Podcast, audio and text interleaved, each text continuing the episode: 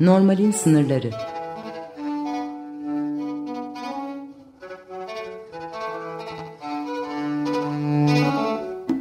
Klinik Felsefe Sohbetleri.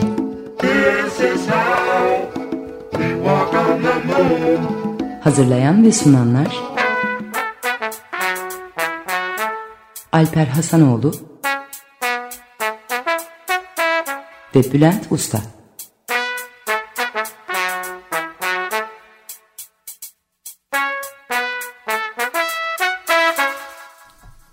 Merhaba, Normalin sınırlarına hoş geldiniz. Ben Bülent Usta.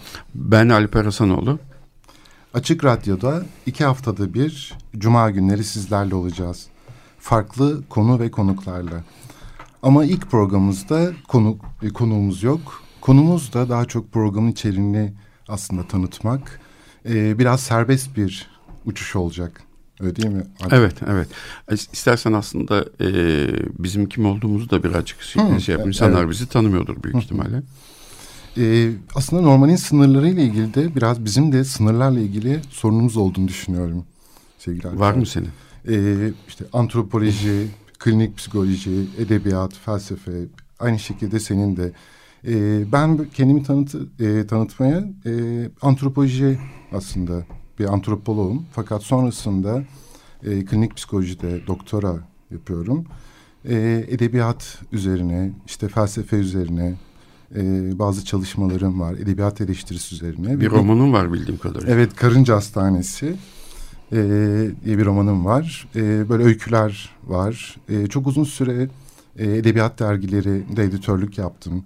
E, Yasak Meyve, Eşikçini, e, Siyahi adlı bir post yapısalcı e, dergide editörlük, onun kurucular arasında oldum. Böyle çok sayıda kitabın editörlüğünü yaptım.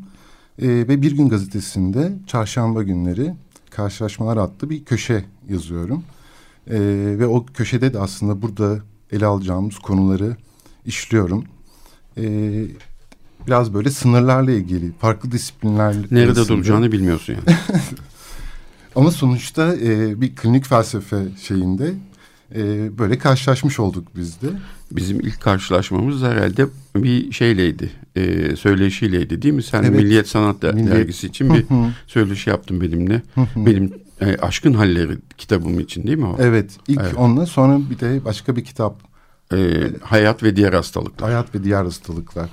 E, ve o aslında diyalogla bu programın da şeyi atılmış oldu. Evet, evet. E, bu diyalog meselesine geçmeden evvel biraz da senin böyle psikiyatriyle e, ardından şimdi felsefe öğrencisisin. Evet, evet.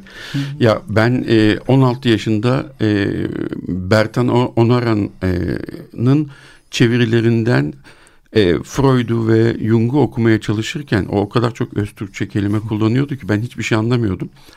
E, mesela bir kitabında e, şeyi e, nörotik karşılığında sinirceliği kullanıyormuş. 50. sayfada anladım filan. Ondan sonra dedim ki ben kendi az Almanca bilgimle okuyayım e, Freud'u e, ve şeyi Alman kütüphanesine gidip sonra işte Almancadan okumaya başladım ve psikoterapist olmaya karar verdim ama o zamanlar böyle psikoloji, psikiyatri ya da işte psikoterapi çok popüler bir şey değildi. Benim babam eczacı, annem de ev kadını. Onlar benim aç kalacağımı, parasız olacak kalacağımı falan diye çok korktular. Ben çünkü psikoloji okuyacağım dedim. E, Boğaziçi e, psikoloji ve felsefe yazacağım dedim. Bayağı korktular.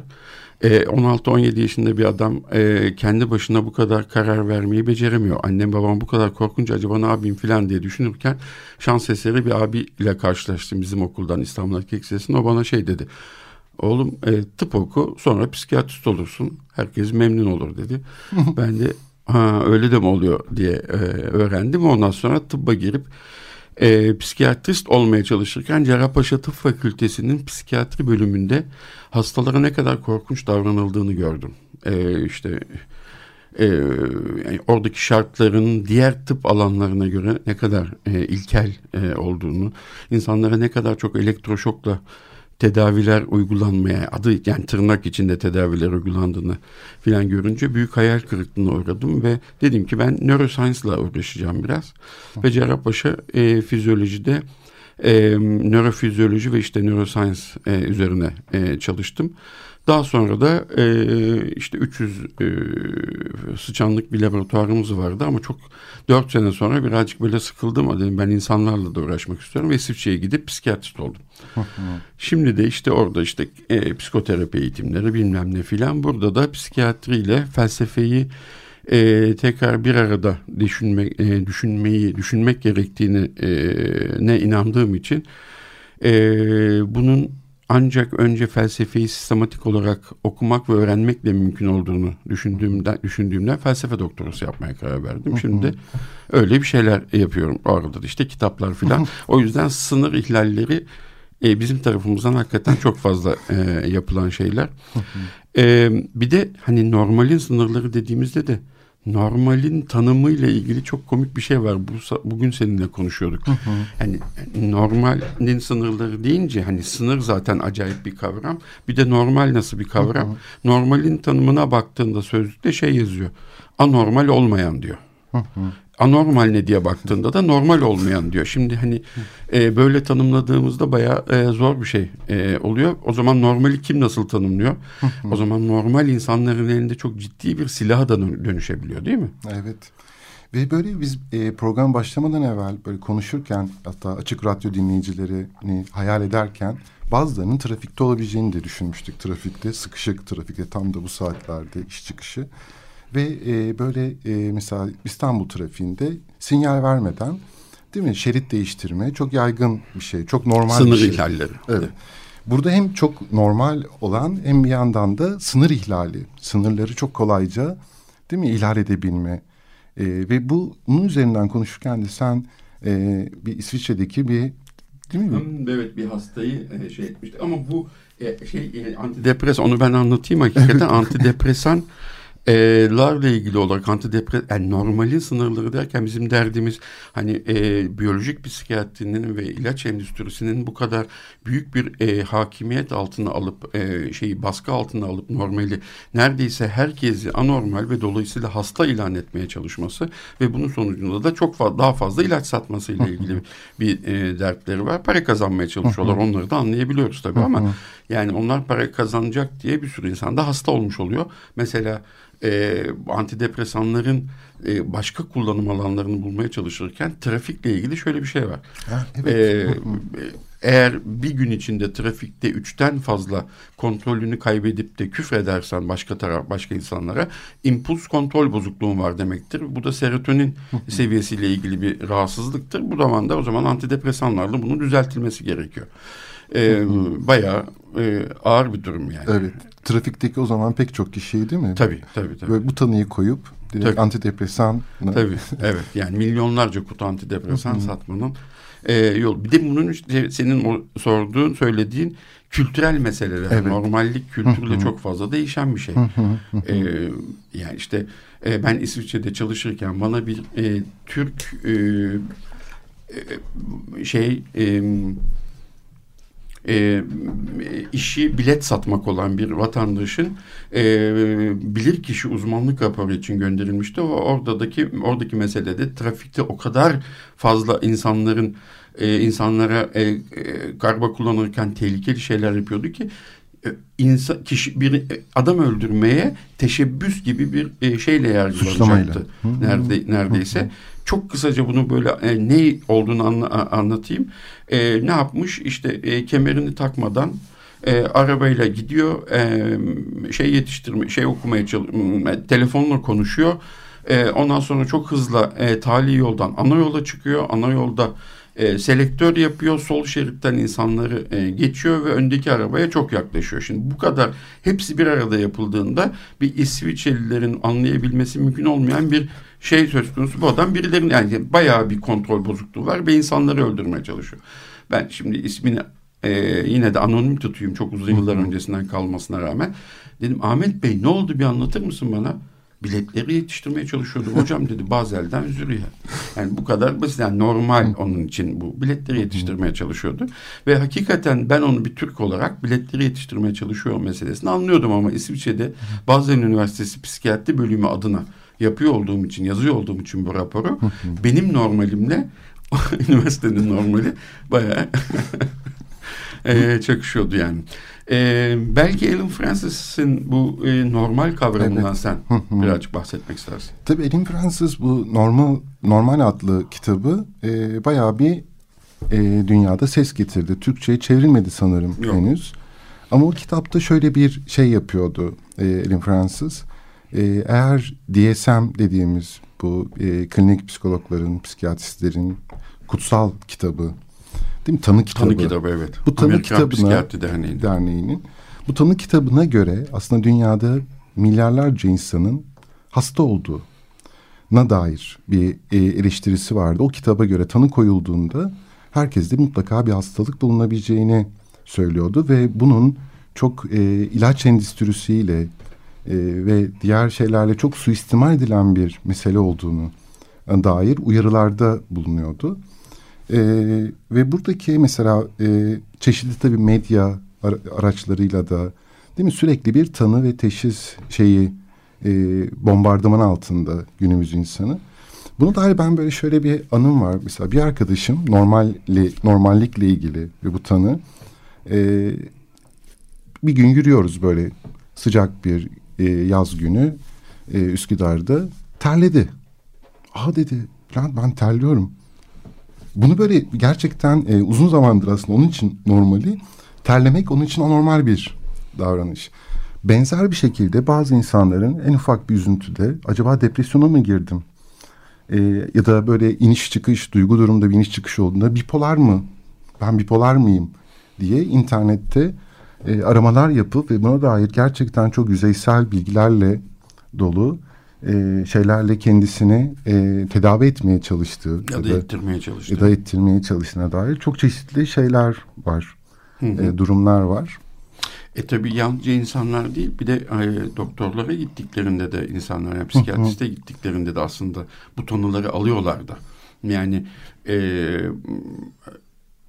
yalnızca sosyal olarak var olan bazı problemler nedir? Mesela işte işinden atılan, işsiz kalan ya da işsiz kalma olasılığı olan bir insanın e, bununla ilgili tedirgin olması, uyuyamaması, gelecekle ilgili kaygılarının olması ya da işte hayatın anlamını sorgulaya baş, sorgulamaya başlıyor olması filan bu dediğim arka arkaya saydığım dört şeyi eğer o kişinin hayatını o an içinde bulunduğu durumu hesaba katmadan değerlendirdiğimizde orta dereceli depresyon diyebiliyoruz. Yani işte e, o zaman orta dereceli depresyon tanısı koyarak antidepresan başlama olasılığımız da var. Ya da sevgilisi tarafından terk edilen birinin e, kendini e, kötü hissetmesi, mutsuz hissetmesi ya da e, e, yeniden barıştıktan sonra çok öförük bir şekilde mutlu olması e, bu e, şeyin emosyonların inip çıktığını göstermiyor ki. Normal yaşantılar bunlar ama insanlar e, bunlarla e, doktorlar gidip tanı alıp sonra senelerce ve senelerce o ilaçları kullanıyorlar.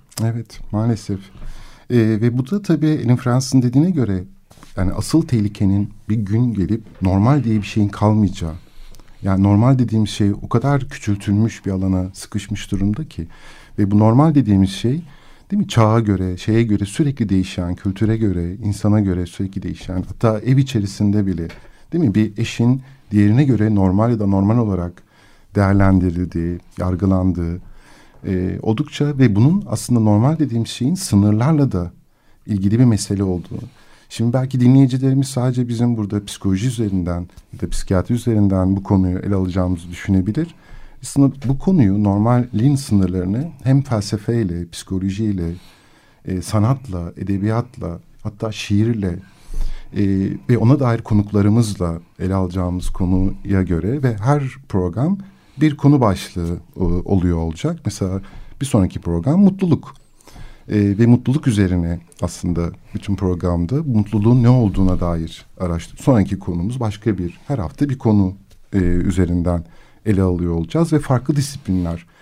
Böyle e, mesela şeye başlarken programın başında e, dediğim Milliyet Sanat'taki o röportaj e, mesela orada bizi buluşturan şey ve bu düşünceleri oluşturan şey diyalogtu. E, günümüzde mesela ben e, diyaloğun e, daha çok monolog mesela siyasetçiler olsun hatta sanatta, edebiyatta daha çok monolog üzerinden ilerlenildiğini ve diyalog dediğimiz şeyin de daha çok Aristotelesçi böyle ucu kapalı bir e, şeyden kurduğunu. Biz burada ve anlamak üzerine aslında Aristoteles'ci e, diyalogda sadece anlamak var. E, ama Gadamerci şeyde anlamak ve farklı anlamak. Bu programda belki dinleyicilerle, belki buradaki konuklarımızla sadece birbirimizi anlamak değil, farklı anlamanın ve o disiplinler arasında da bir diyalog e, geliştirebilmenin ve bunu yine sadece anlamak değil, farklı anlamayı yola açmanın. Bunun aslında bir psikoterapide de mesela benzer bir şeyini görürüz. E, asimetrik bir ilişki vardır danışanla e, psikoterapist arasında. E, onun onu anlarız, onu anlar terapist danışanı ve aynı zamanda farklı anlar. Bu farklı anlama sayesinde aslında bir şeyler e, ortaya çıkar. Mesela öfkeli olduğunu söyler ama biz onu öfkesini bir üzüntü olarak, üzüntüsünü öfke olarak yaşadığını e, anlarız.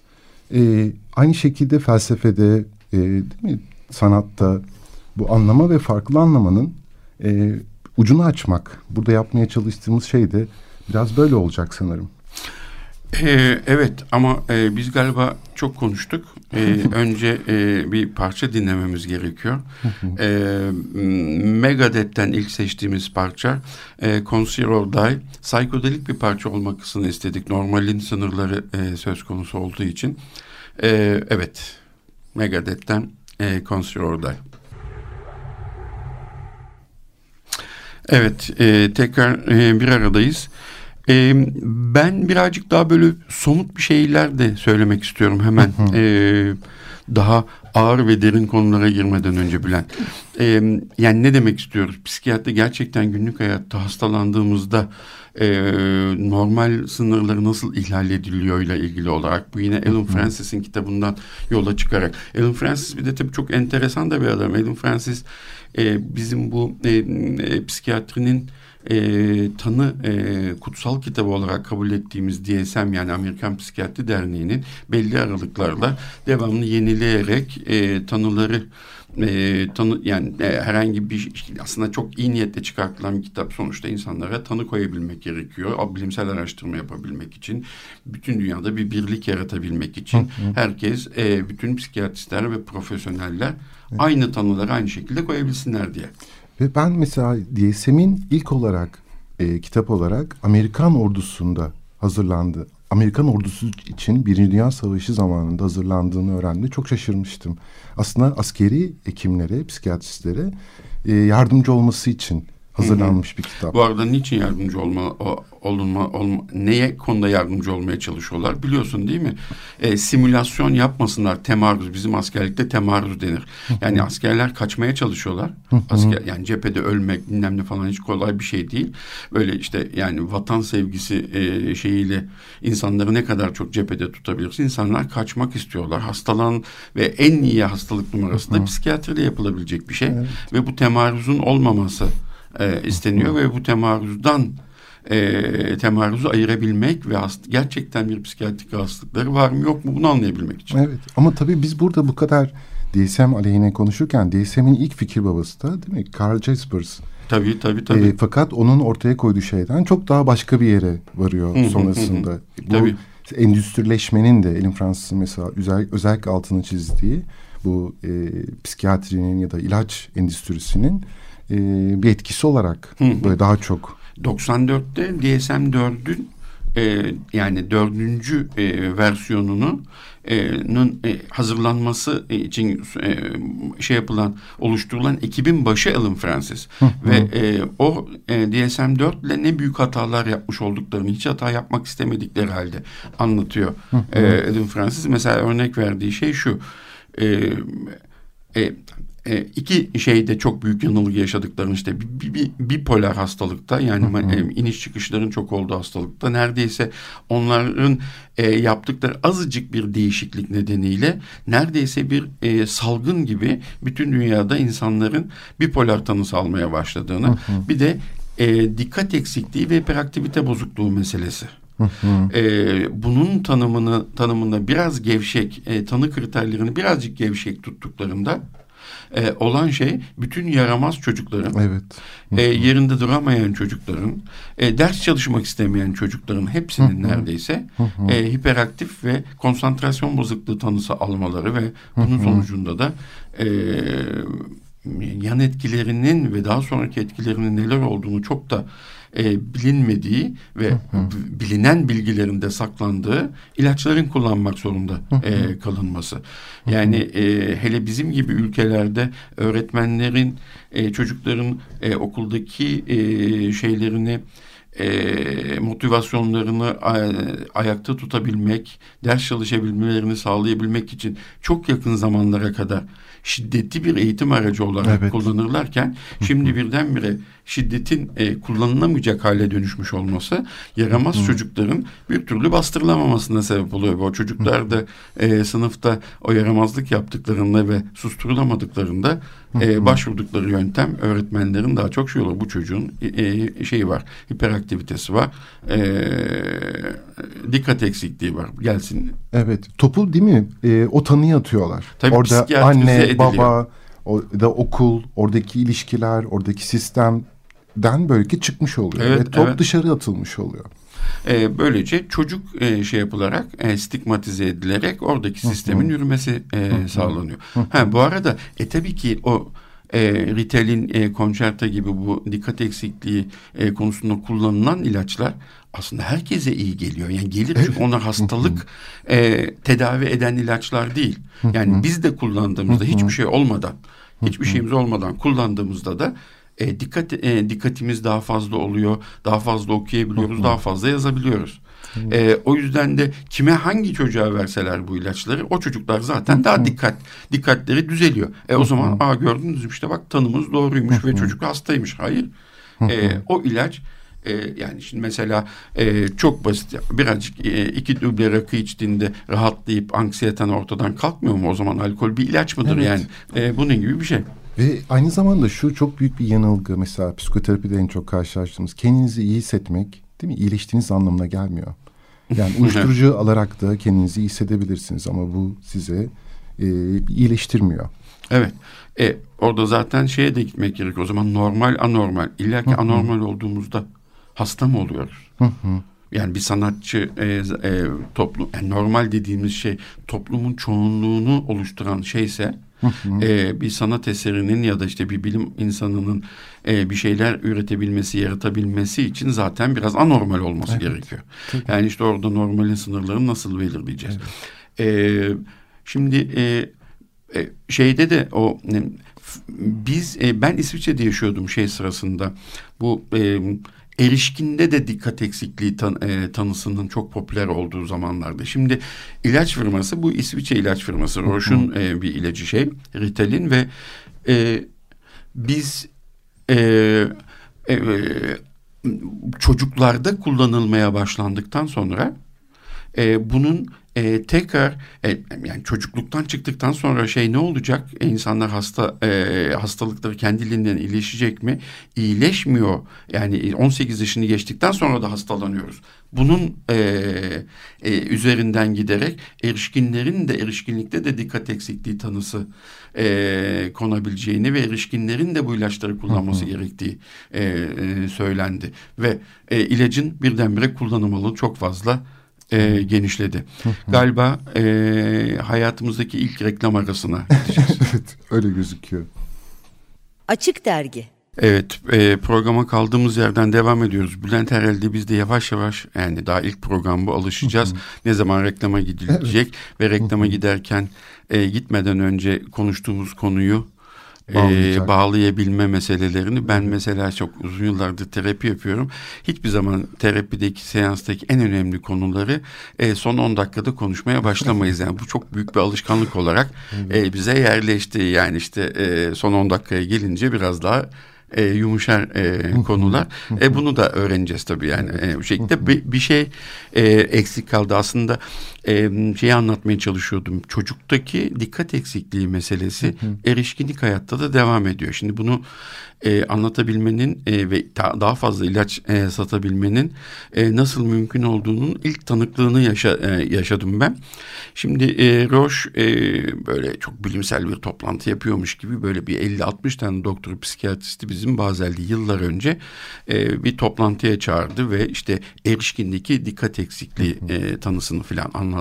Koca koca profesörler büyük bir ciddiyette bilimsel çalışmalar, pastalara bölünmüş şeyler, bar grafikleri falan filan anlatıyor. E, ve şey diyor işte mesela bir toplantıda bir böyle bir seminerde 45 dakika boyunca e, dikkatinizi vermeden e, şey, veremeden e, orada kalmak aklınızın başka yerlere gitmesi e, ya da işte bir ter terapi seansında zaman zaman aklınıza evdeki bir problemin geliyor olması bölünüyor olmanız falan filan. Şimdi toplantı bitti ve hepimiz e, dışarı çıktığımızda herkes birbirine şey diyor ya bende var. Yani öyle genişletilmiş bir şekilde anlatılıyor ve o kadar yumuşatılıyor ki e, e, kriterler e, herkes de e, oradaki toplantıdan çıkan herkes de 52 doktorun 50'sinde neredeyse dikkat eksikliği var ve hepimiz aslında ilacı kullansak hepimize iyi gelecek. Yani korkunç bir pazarı bir kere daha biraz daha açmış oluyorsun bu şekilde baktığında tabii. Şimdi ve Alan Francis e, kitabında şöyle bir şey veriyor. E, örnek veriyor e, antidepresan e, ilaç yazımı ile ilgili olarak çok aslında çok korkunç bir bilgi bilgi bu. Antidepresan kullanan insanların yüzde sekseni aslında boşuna antidepresan kullanıyor. Hı hı. Ve antidepresan kullanması gerekecek kadar ağır depresyonda olan insanların yalnızca yüzde yirmisi ilaç kullanıyor. Evet. Hı hı. Korkunç. Evet, ürkütücü hatta. Evet. Hı hı. Ve buradaki o ilaç ya da e, bir de tabii bütün bir dayattığı bir tüketim toplumunda dayattığı bir şey de var. Yani tüketim toplumunda tecrid edilmiş değil mi bir insan söz konusu, insan figürü söz konusu. Ve orada ona sürekli sürekli enerji olması gerektiği, sürekli neşeli, sürekli mutlu olması gerektiğine dair bir e, algı yaratılıyor. Birazcık depresyona girdiğinde sanki ezik, yenik, değil mi? Dışlanmış devamlı gibi. Devamlı iyi olmak zorundasın. Devamlı iyi olmak Devamlı zorunda. fit olmak zorundasın. Devamlı mutlu olmak zorundasın. Ee, Bu bir ağır de, bir yük. Çok bir ağır bir yük. Bu yüzden anksiyete de çok fazla arttı. yani eskiden 30'lu yaşlarda kaygı bozuklukları tanıları çok fazla konuldu. Şimdi 20'li yaşların başında insanlar çok ciddi bir şekilde gelecek endişesiyle de acaba işe atıldığımda e, yapabilecek miyim, iş bulabilecek miyim, maaşım yetecek mi, anne babamdan e, para almadan yaşayabilecek miyim endişeleriyle çok ciddi bir şekilde e, psikiyatrist ve terapistlerin kapılarını aşındırıyor tabii. Yani e, bunlar aslında normal endişeler değil mi? Gelecekten endişelenmek kadar evet. doğal ne var ki? Neden o sırada kalbin çarptı diye hasta olasın illa ki? Öyle değil mi? Ve burada böyle sürekli bir e, şey olarak bir algı. Ya ben de acaba oturduğum bindiğimiz dalı mı kesiyoruz diye düşünüyorum. Şimdi insanlar gelmeyecek bize. Evet yani bir yandan tabii biz burada e, tanı karşıtı tamamen tanı karşıtı bir şey Gibi gözükmeyelim değil, değil mi? Evet, evet. E, yani ama ağırlıklı olarak mesela şeyle ilgili bir yazı okumuştum. Çok ilginçti. Şizofreniyle ilgili. Şizofreni ilgili ilaç üretmeye çalışıyorlar ve bu konuda bir kat edilmiş bir yol olsa da bunu nihai bir yere varamıyorlar. Çünkü genler üzerinden yaptıklarında kişiye özgü. Yani bir hastalıkla diyelim e, başka bir hastalıkta kanserde bile belli ortak genler bulunabilirken şizofrenide kişiye özgü yerleri var. Hı. Ve ona göre bir ilaç üretilemiyor. Yani buradaki e, kişiye özel durum değil mi? Psikolojide çok belirleyici. Karaktere, tanı evet. Dan çok karaktere odaklanmak. Psikoterapide şu anda zaten en önemli e, e, yönelimlerden bir tanesi o. Person oda yani kişi odaklı psikoterapi yöntemleri geliştirebilmek. E çünkü hakikaten zaten aslında yani genel olarak bütün tıbba baktığımızda çok fazla satılıyor. Böyle neler bulundu tıpta filan falan diye şey yapılıyor ama aslında çok kaba bir şekilde baktığımızda tıbbın da pozitif bilim olduğunu söyleyebilmek mümkün değil. Yani bundan beş sene öncesine kadar yumurta yemeyin çünkü kolesterol yükseltiyor deniyordu. Şimdi yumurta da koy. Bir yumurtanın içinde kolesterolü bulamıyorsun. Şizofreni bulacaksın, tedavisi bulacaksın. Bulunamıyor da zaten. Ve e, yani e, bakteriyel enfeksiyon hastalıkları dışında Yani antibiyotikler de yapılan tedavi dışında. Gerçekten tedavinin yapıldığı herhangi bir hastalık yok. Evet. Yani apandisitin patladığı zaman apandisini kesiyorlar. o tedavi değil ki. Kesip atıyor. Yani safra kesen e, da bir şey oluyor. Safrayı kesiyorlar. e bu tedavi mi? Şeker hastalığı oluyorsun. Ömür boyu şeker ilacı kullanmak zorundasın. Bu tedavi değil ki. Şizofrenide de öyle. E, işte e, bipolar bozuklukta da öyle. E, yani aslında e, hiçbir şekilde yani neuroscience'da, sinir bilimde ya da başka alanlarda yapıldığı iddia edilen ve söylenen ve gerçekten de aslında çok fazla olan yenilikler böyle e, bulunan şeylerin hiçbir tanesi henüz tedaviye yönelik olarak yeni bir şey getirmedi. Evet ama e, tanıyı biz şu açıdan mesela düşünebiliriz. Yani bize farklı hipotezler oluşturabiliriz. Ve bu hipotezler üzerinden bir yol haritası çizebiliriz kendimize. Fakat onu bir etiketmiş gibi e, kullanmamak. Stigmatize etmek için değil mi? Damgalamak için kullanmamak. Kullanmamak. E, yani kız verirken delirdin mi delirmedin mi meselesi. Yani şimdi bir psikiyatriste gittiysen kızına veriyor musun vermiyor musun? Damat adayına e, şeyi. O iyi benle olur mu? e, psikiyatrik rahatsızlığı varsa ki hepimizin var işte. Evet. Değil mi? psikiyatri tanı e, kitabı DSM'e göre biz şimdi kendimizi masaya yatırsak şu masada minimum iki tanı olmaz mı? Olur mutlaka. Evet. Ve burada şimdi sınırlar üzerine düşünürken bir an aklıma şöyle bir şey geldi. Ee, mesela sinemada hep böyle sınırsız güçleri olan karakterler. Değil mi? O tür e, işte uçabiliyor, işte sezgileriyle insanların düşüncelerini okuyabiliyor, işte ölümsüz oluyor vesaire. Buna dair bir algı yaratılıyor. İnsanların kendi sınırlarıyla ilgili e, bir meseleleri de var ve bu anlamda ilaç vesaire şeyler de onlara böyle bir şey yanılsamayı yaratabiliyorlar. E, e, aslında insanlar sınırların içinde kalmayı da çok fazla istemiyor galiba değil mi? Yani çünkü sınırlar e, şeye sebep olmuyor mu? Bizi bir şekilde sınırlayarak ilerlememizi, değişmemizi, daha geniş alanlara yayılabilmemizi de engelleyen bir şey değil mi? Ve aşkınlaşmak, transendental e, meselelerde bunun içine e, din, dini inançlardan e, sanat, edebiyat gibi başka tür aşkınlaşma, daha seküler aşkınlaşma yöntemlerine kadar her şey aslında biraz kendi varoluşumuzdan memnun olmayıp daha başka türlü olmaya çalışmak değil mi zaten? Evet ama burada sanırım şöyle bir şey var sınırlarla ilgili. Sınırların bir pozitif anlamı var, bir de negatif anlamı var.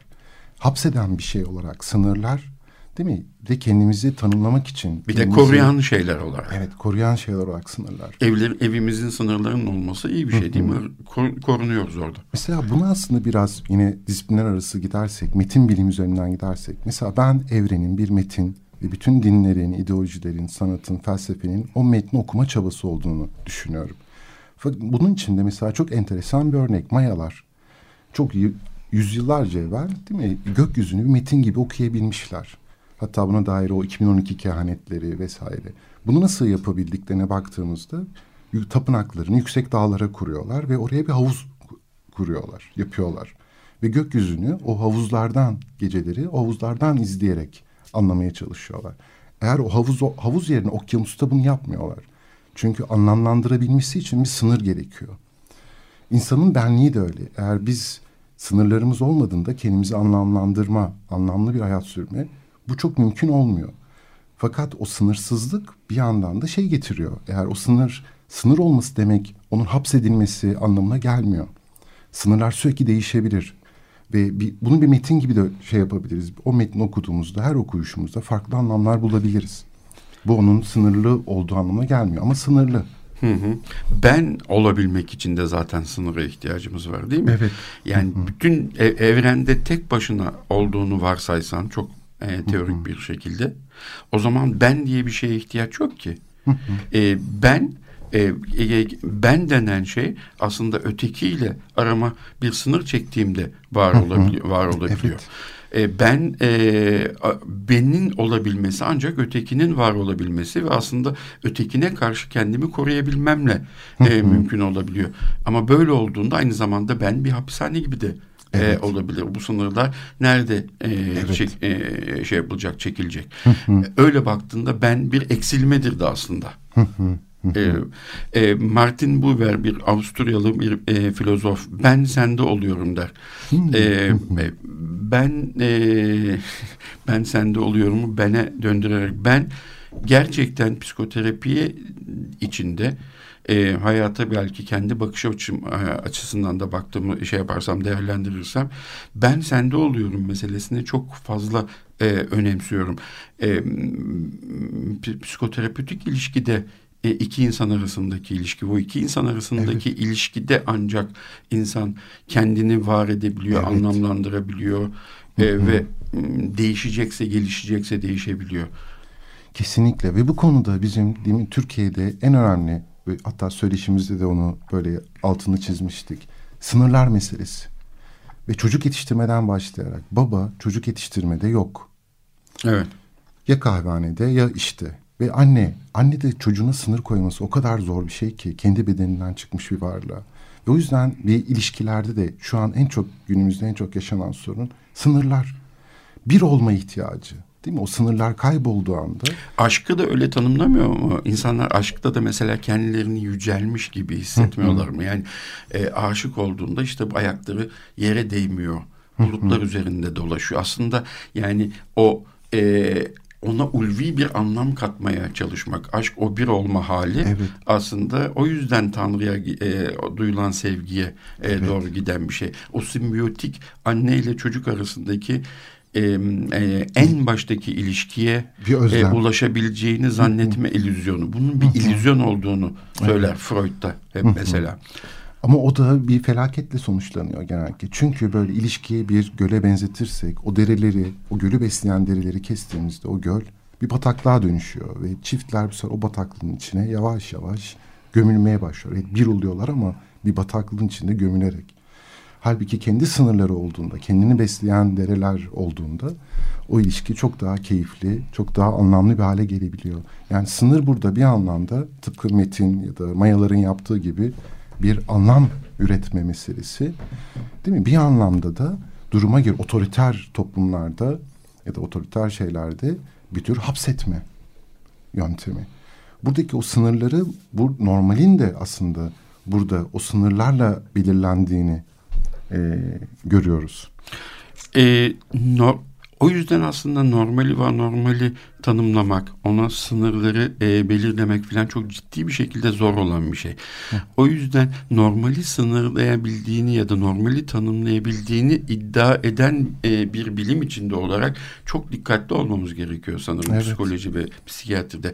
Ben e, bize bir sınır koyup e, bir sınır koyup bir e, bir parça daha e, dinleyelim diyorum ve ondan sonra da e, belki ilk programı yavaş yavaş toparlayıp bu dağınıklığı toparlayıp bir sınır koyup bitirelim. Biraz evvel e, ilk programımızı biraz evvel söylemeyi unuttum. Genç DJ'lerimiz var. Eylül ve Yağmur Asanoğlu benim çocuklarım. İkinci parça da onlardan geliyor. Janis Joplin'in Cosmic Blues. Harika. Programın son e, dakikalarında ben bir e, biraz eğlenceli bir şeyle devam edelim istiyorum. Bu Beyçak'ın karikatürü. Bunu ben e, karikatürü daha sonra gördüm ama ilk senden duymuştum. Biraz anlatabilir misin? Sanki evet, bizim bir, şeyi özetliyor. Bir e, bir danışanıyla oturuyor. E, psikiyatrist olarak çiziyor Beyçak. E, danışan diyor ki ya doktor bey e, her şeyim var.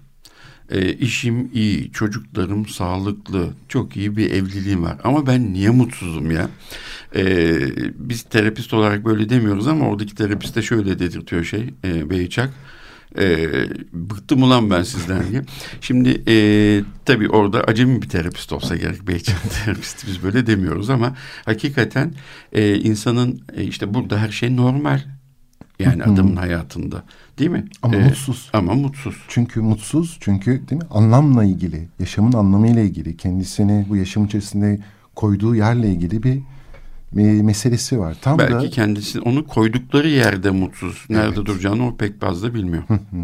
Ve bu da bir önümüzdeki programın konu başlığı aslında oraya bağlamış oluyoruz. Mutluluk ve mutluluk, mutlu olmak için neler gerekiyor? Mutluluk. Evet normal o kadar e, sınırları belirli olmayan bir şey ki hiç olmazsa birazcık daha yani en azından ikinci programda azıcık daha e, sınırları belirli bir şey üzerine konuşabiliriz. Ama bu mutluluğu konuşurken de herhalde e, günümüzde bu eller havaya mutluluğundan konuşmayacağız Evet. daha çok. Aristoteles'in e, yani işte o oidaimonia yani hem e, haz ve erdemin bir arada e, olduğu ve eşit olarak e, paylaştırıldığı bir hayat biçiminden e, bahsediyor olacağız. Yoksa derdimiz e, bu akşam nerede e, eğleniyoruzla ilgili olarak e, tiyolar vermek değil. Evet. Mutluluğu psikolojiden, felsefeden, sanattan, pek çok disiplinden bir, ara, bir farklı bakış açılarıyla ele alıyor olacağız önümüzdeki. Ama başka şeylerden de istersen. Evet böyle konu başlıklarımız aslında oldukça e, Bizi heyecanlandırıyor. Bizi heyecanlandıran. evet. E, mesela mizaç, kişilik, kimlik, normale ve deliliğe Foucault'cu bakış, e, cinselliğin antropolojisi, 21. yüzyılda flört, çapkınlık, cinsellik, can sıkıntısının avantajları, pişmanlıklar, hayal kırıklıkları, iyi aile var mıdır? Ailenin anlamı ve tabii buradaki her daha pek çok e, konu yalnızlık neden gereklidir gibi. Fakat burada her şeyde mesela iyi aile var mıdır? Bununla ilgili bir konumuz olacak. Ya da müzikle ilgili şiirle şiir ve psikoterapi diye bir konum, konumuz olacak. Evet. Ve şiir ve psikoterapi ele alırken elbette Birini mutlaka çağırırız. Evet. Ve e, şiir belki de şiirler okuyor olacağız burada. Senin şiirle ilgilendiğini biliyorum. Kendi E, Aziz Nesin biliyorsun şöyle demiş zamanda her üç Türk gencinden dördü şiir yazar diye mutlaka biz de bir şeyler yapmışız. e, müzik, dans ve psikoterapi de yaşantısallık. E, Evet bir, bir sürü konumuz olacak değil Evet, mi? Bir sürü konumuz olacak ve bu konu başlıklarıyla ilgili olarak e, bazen e, sürpriz konuklarımız olacak. E, açık radyo dinleyicilerin yakından tanıdığı ya da bizim sayemizde tanıyacağı, yakından tanıyacağı konuklarımız olacak. Peki e, sen normal misin? E, bunu benim e, kendime göre normalim. Yani bunu kendi yani insanın kendisi hakkında bunu söyleyebilme hakkı var mıdır? E, olabilir. Bilmiyoruz. Peki. Bilmiyoruz. Çünkü normal böyle bir şey. Evet. E, bazen normalizdir bazen de değilizdir değil mi? Mesela Hmm. öyle bir şey olur hayatımızda öyle acayip bir şeyler olur ki bazen bir şeyler e, yanlış gider bilmem ne gider ve bir kendimizle ilgili çok e, olumsuz düşüncelere kapılırız ve biz de hayatın hayatı sorgulamaya başlarız. Yaptık mı ettik mi bugüne kadar neler yaşadık bunların manası var mıydı gelecek nasıl olacak? İşte orada aslında zaten e, bizim kendi normalimizle ilgili sorgulamalar başlar. Aslında dünden bugüne değişen hiçbir şey olmamıştır. Evet ve o normalde sürekli aslında değişen bir şeydir. Yani günümüze, saatimize, değil mi dakikamıza göre aslında normalimiz de Evet, sürekli değişiyor. Eskiler oluyor. eşref saati dermiş mesela. Galiba ilk programımız e, yavaş yavaş, Yavaş bitiyor. evet. E, ben çok sevindim seninle böyle bir program e, yapabiliyor olduğumuza ve e, Açık Radyo'ya da bu konuda e, Evet. müteşekkiriz. E, umarım e, olumlu iyi e, geri bildirimler alırız da bizi kovmazlar. Ve iki hafta sonra e, bir başka cuma akşamı görüşmek üzere. Görüşmek üzere. İyi akşamlar.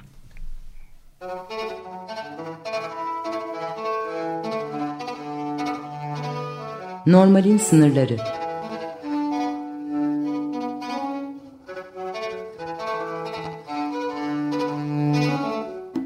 Klinik felsefe sohbetleri. Hazırlayan ve sunanlar Alper Hasanoğlu ve Bülent Usta.